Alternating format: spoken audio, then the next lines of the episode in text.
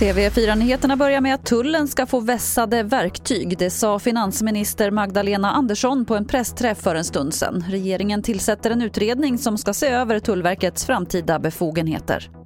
Vi ser behovet av att ta ett samlat helhetsgrepp för att ytterligare kunna vässa myndighetens arbete.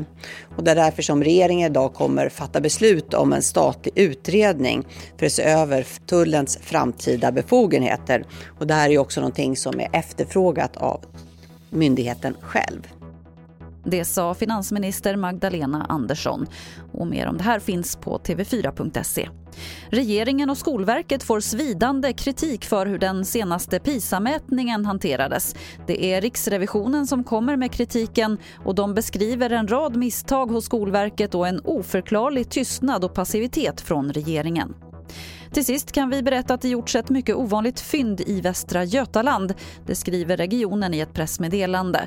Man har hittat en skatt från bronsåldern och fyndet beskrivs som ett av de största och mest spektakulära av sitt slag som gjorts i Sverige. Exakt vad det är man har hittat ska avslöjas på en pressträff senare idag. Det var det senaste från TV4 Nyheterna. Jag heter Lotta Wall.